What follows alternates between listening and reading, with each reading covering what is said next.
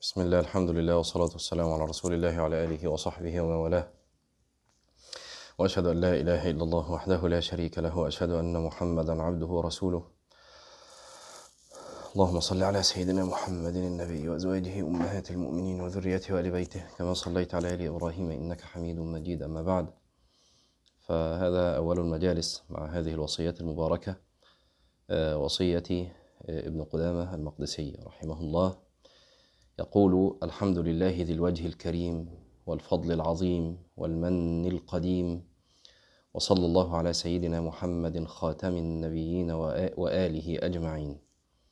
أما بعد فقد سألني بعض إخواني الصالحين أن أكتب له وصية فامتنعت من ذلك لعلمي أني غير مستوص في نفسي ولا عامل بما ينبغي. ففي هذا أدبان الأدب الأول هو أدب النصيحة وطلب الوصية وبذل الوصية أدب النصيحة وطلب الوصية وبذل تلك الوصية آه، هذا أدب كاد يندثر حتى بين طوائف المتدينين. والتواصي بالحق والتواصي بالصبر كان دأب السلف وثبت ذلك حتى عن الصحابة. أن ربما التقى الرجلان فلا يتفرقا حتى آه، يقرأ أحدهما على الآخر سورة العصر. من باب التواصي والعصر إن الإنسان لفي خسر إلا الذين آمنوا وعملوا الصالحات وتواصوا بالحق وتواصوا بالصبر. فيذكر أحدهما الآخر ويوصيه بتلك الوصية الربانية. والأدب الثاني طبعا هو هضم النفس والانتباه لآفات تلك النفس. قال فامتنعت من ذلك وكيف أن هضم النفس والالتفات إلى عيوبها؟ آه، ربما منع صاحبه بعض العمل. قال فامتنعت من ذلك لعلمي أني غير مستوص في نفسي. يعني آه، بعمل باللي بقوله ولا مست يعني طبعا وهذا يعني إيه من تهمة النفس ولا عامل بما ينبغي.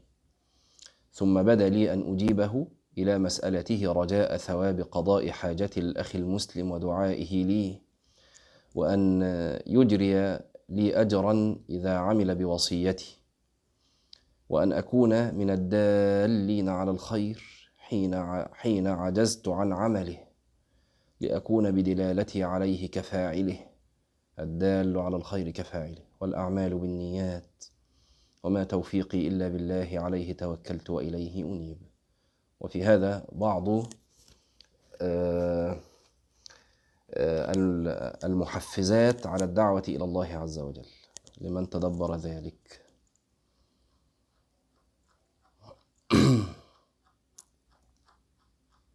يقول رحمه الله في أول وصيته فأقول وحسبنا الله ونعم الوكيل.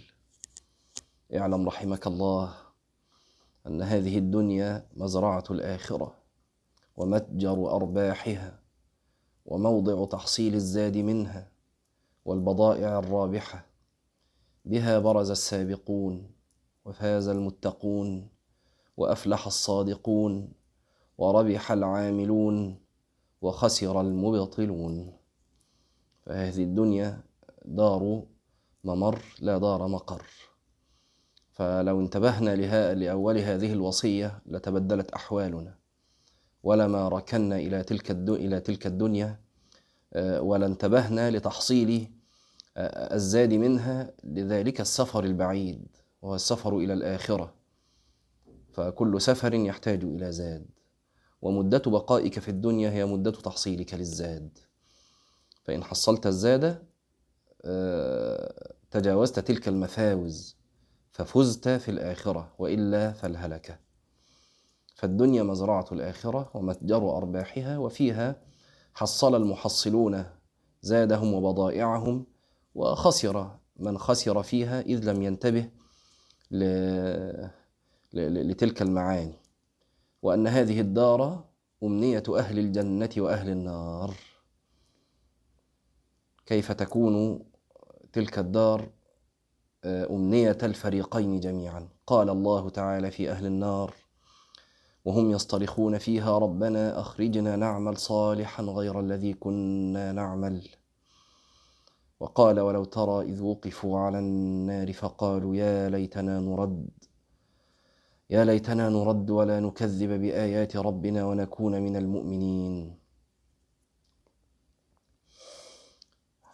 الآية التي تلي هذه الآية آية عجيبة وهي آية كثيرا ما أقف امامها هؤلاء وقفوا على النار فقالوا مقالتهم تلك يا ليتنا نرد ولا نكذب بآيات ربنا ونكون من المؤمنين. فماذا أجابهم الله عز وجل؟ قال سبحانه وتعالى بعد يعني بعض الكلمات بعد بعد كلمات قال ولو ردوا لعادوا لما نهوا عنه وإنهم لكاذبون آية عجيبة. ولو ردوا لعادوا لما نهوا عنه وإنهم لكاذبون كيف يا جماعة؟ واحد وقف على النار وقف على النار فرآها رأي العين. فقال مقالته تلك يا رب ردني ولن أكذب ولن أكون كذا وكذا وسأكون من المؤمنين. قال الله عز وجل ولو ردوا لعادوا لما نهوا عنه.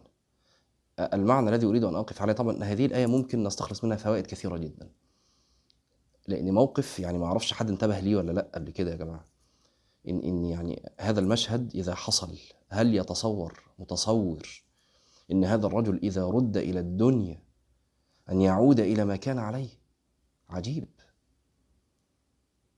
فالمعنى الذي نريد أن نقف عليه لأنه يخدم ما نقرأه أن هذه الدنيا بزينتها وفتنتها ربما تفتن من وقف على النار. هذا الرجل الذي وقف على النار فرآها رأي العين. لو رد لشغلته الدنيا. فالدنيا يا جماعة خطيرة. خطيرة جدا. النبي صلى الله عليه وسلم يقول ذلك لأصحابه قال ما الفقر أخشى عليكم ولكن أخشى أن تفتح عليكم الدنيا كما فتحت على الذين من قبلكم فتنافسوها كما تنافسوها فتهلككم كما أهلكته. عجيب أمر الدنيا عجيب. الدنيا تفتن الأولياء. وقال الله عز وجل في حق الصحابة منكم من يريد الدنيا وكان ابن مسعود يقسم بالله. أن قبل نزول هذه الآية ما كان يتصور أن من أصحاب رسول رسول الله صلى الله عليه وسلم أن أن منهم من في قلبه الدنيا. فننتبه ننتبه لهذه الدنيا. كم فتنت قبلنا من أناس كانوا في قمة الإيمان فيما يبدو للناس. فخطيرة. قال فكانت الدنيا إذن أمنية أهل النار أن يردوا إليها مرة أخرى فيعملوا. طيب وكيف هي أمنية أهل الجنة؟ قال ابن مسعود فيما يرويه إن أرواح الشهداء كطير خضر تسرح في الجنة حيث شاءت ثم تأوي إلى قناديل معلقة بالعرش فبينما هم كذلك اطلع عليهم ربك اطلاعة فقال يا عبادي سلوني ما شئتم. فقالوا يا ربنا نسألك أن ترد أرواحنا في أجسادنا ثم تردنا إلى الدنيا فنقتل فيك مرة أخرى. فلما رأى أنهم لا يسألون إلا ذلك تركوه. ثواني بس يا جماعة وأكون معاكم إن شاء الله. قال فلما رأى أنهم لا يسألون إلا ذلك تركوه. فكانت الدنيا أمنية أهل الجنة كذلك. فلما تكون الدنيا أمنية أهل النار وأمنية أهل الجنة ليه؟ كل منهم يريد أن أهل الجنة يريدون الازدياد من العمل وأهل النار يريدون استدراك ما فاتهم من الأوقات. فأنت في المهلة. يعني لما كانت الدنيا لما كانت الدنيا أمنية أهل النار وأهل الجنة. هو في حاجة ثالثة يا جماعة في الآخرة؟ يعني أنت وأنا وكل إنسان إذا مات مآله إلى جنة أو إلى نار. فإن كنت إلى جنة فأمنيتك حينئذ أن ترد إلى الدنيا. وإذا كنت إلى نار عياذا بالله فأمنيتك أيضا أن ترد إلى الدنيا. فأنت في الدنيا. فاعمل. واعلم يا أخي رحمك الله أن الله تعالى قد علم أنهم يسألون ذلك.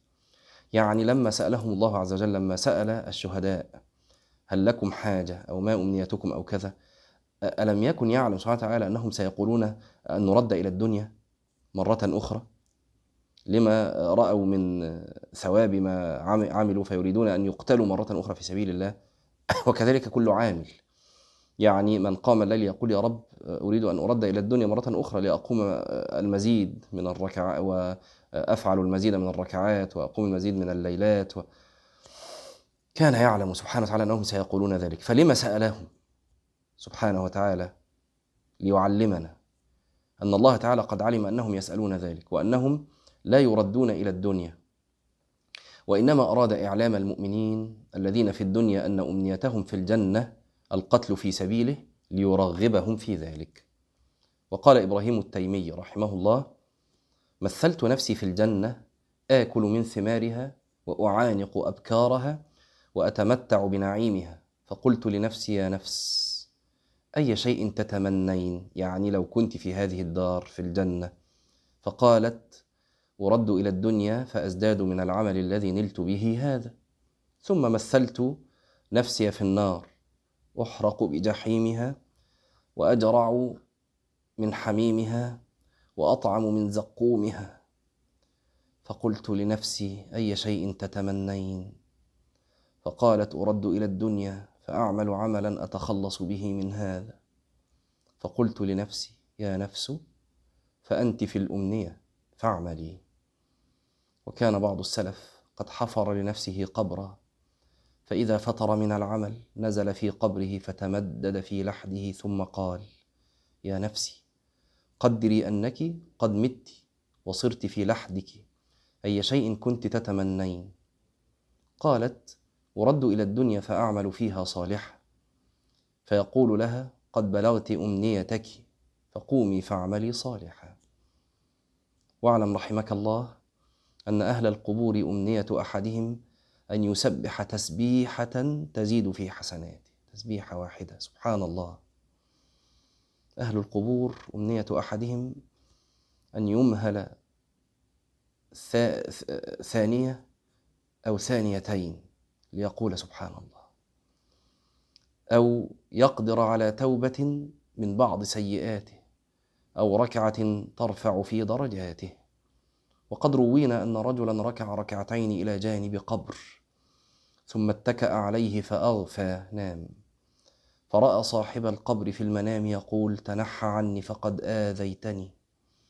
والله إن هاتين الركعتين اللتين ركعت ركعتهما لو كانتا لي كانتا أحب إلي من الدنيا وما فيها. إنكم تعملون ولا تعلمون يعني يا أهل الدنيا. ونحن نعلم ولا نعمل يعني من مات فاغتنم رحمك الله حياتك النفيسة واحتفظ بأوقاتك العزيزة. واعلم أن مدة حياتك محدودة وأنفاسك معدودة فكل نفس ينقص به جزء منك والعمر كله قصير والباقي منه هو اليسير. وكل جزء منه جوهرة نفيسة لا, عد لا عدل لها ولا خلف منها. فإن بهذه الحياة اليسيرة خلود الأبد في النعيم أو العذاب الأليم. وإذا عادلت هذه الحياة بخلود الأبد علمت أن كل نفس يعدل أكثر من الف الف ألف عام في نعيم لا حصر له أو خلاف ذلك. وما كان هكذا فلا قيمه له. يعني لو قسمت الأخرة على الدنيا ويمكن قلنا لكم الكلام ده قبل كده. قلنا لكم يا جماعة عشان الناس الجديدة اللي حاضرة. أنتوا عارفين في القسمة المطولة أو أي قسمة كل ما المقام يزيد الناتج يبقى أقل ولا أكثر؟ إيه رأيكم؟ كل ما نزود المقام الناتج يطلع أقل ولا أكتر حد معايا ولا صوتي مش مسموع؟ أقل مش كده؟ يعني لو حطينا فوق في البسط واحد وحطيت تحت اتنين يبقى نص. حطيت أربعة بقى ربع الناتج أقل. حطيت عشرة بقى عشر الناتج أقل. وهكذا. واحد على مليون أقل وأقل. طيب لو المقام صار ما لا نهاية الناتج يبقى كام؟ صفر. مهما كان البسط. مهما كان. يعني لو حطيت في البسط مليون وال- والمقام ما لا نهاية الناتج يؤول إلى الصفر. حط في البسط مليار والمقام ما لا نهاية الم- المعلومة اللي بقولها دي يعرفها كل حد يعني يعرف رياضة يعني. الناتج يؤول إلى صفر. الآخرة لا نهاية لها. خلود فلا موت. يا أهل الجنة خلود فلا موت ويا أهل النار خلود فلا موت. فحط بقى في البسط لو دنيتك لو إحنا عاوزين نعرف نسبة إحنا عشان نعرف نسبة حاجة لحاجة بنقسم الحاجة دي على الحاجة دي. يعني عاوز أعرف نسبة الواحد إلى الاتنين نسبته قد إيه؟ فنقول لك الواحد نص الاتنين. إزاي جبناها؟ قسمنا الواحد على الاتنين. الاتنين نسبتها. لل... للتمانية كام؟ نقول الاتنين ربع التمانية. إزاي؟ اقسم اتنين على تمانية تطلع ربع. فيبقى نعرف نسبة الاتنين بالنسبة للتمانية الاتنين قد إيه من التمانية يعني؟ طيب هات بقى دنيتك اللي انت هتعيشها 80 سنة ل 100 سنة واقسمهم على الآخرة عشان نشوف نسبة دنيتك دي للآخرة قد إيه. فاقسم ال 80 أو ال 100 على الما لا نهاية تطلع دنيتك صفر بالنسبة للآخرة صفر. لا يا سيدي إحنا هنقس- هنقسم أو هنحسب نسبة الدنيا كلها من لدن آدم إلى قيام الساعة بالنسبة للآخرة تؤول إلى الإيه برضو؟ إلى الصفر. هات أي رقم حطه في البسط. يؤول بك إلى الصفر. خلاص؟ يبقى هذه الدنيا لا تساوي شيئا. عرفتوا بقى ليه يا جماعة؟ لا تساوي عند الله جناح بعوض. ليه؟ فعلا لا تساوي شيئا. لا تساوي شيئا. صفر. صفر. كم تحصل من الصفر يا مسكين؟ مفهوم؟ طيب لو عرفت كده بقى هتبص لدنيتك بصورة أخرى اللي هي إيه بقى؟ إن كل نفس من أنفاسك يبقى يساوي ألف ألف ألف سنة في نعيم لا حصر له أو خلاف ذلك يعني في النار عياذا بالله. يساوي ألف مليون سنة. ألف مليون سنة. ليه؟ لأن النفس ده اللي خرج لو خرج في في شيء تحصل به ثوابا آه، كان سببا مع غيره من الأنفاس أن تكون من أهل الجنان أو قل خلاف ذلك إن ضاعت أنفاسك. فهمتوا دي؟ قال فلا تضيع جواهر عمرك النفيسة بغير عمل ولا تذهبها بغير عوض.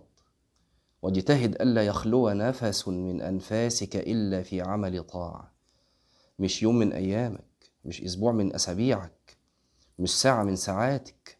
حاسب نفسك على الأنفاس. حاسب نفسك على الأنفاس.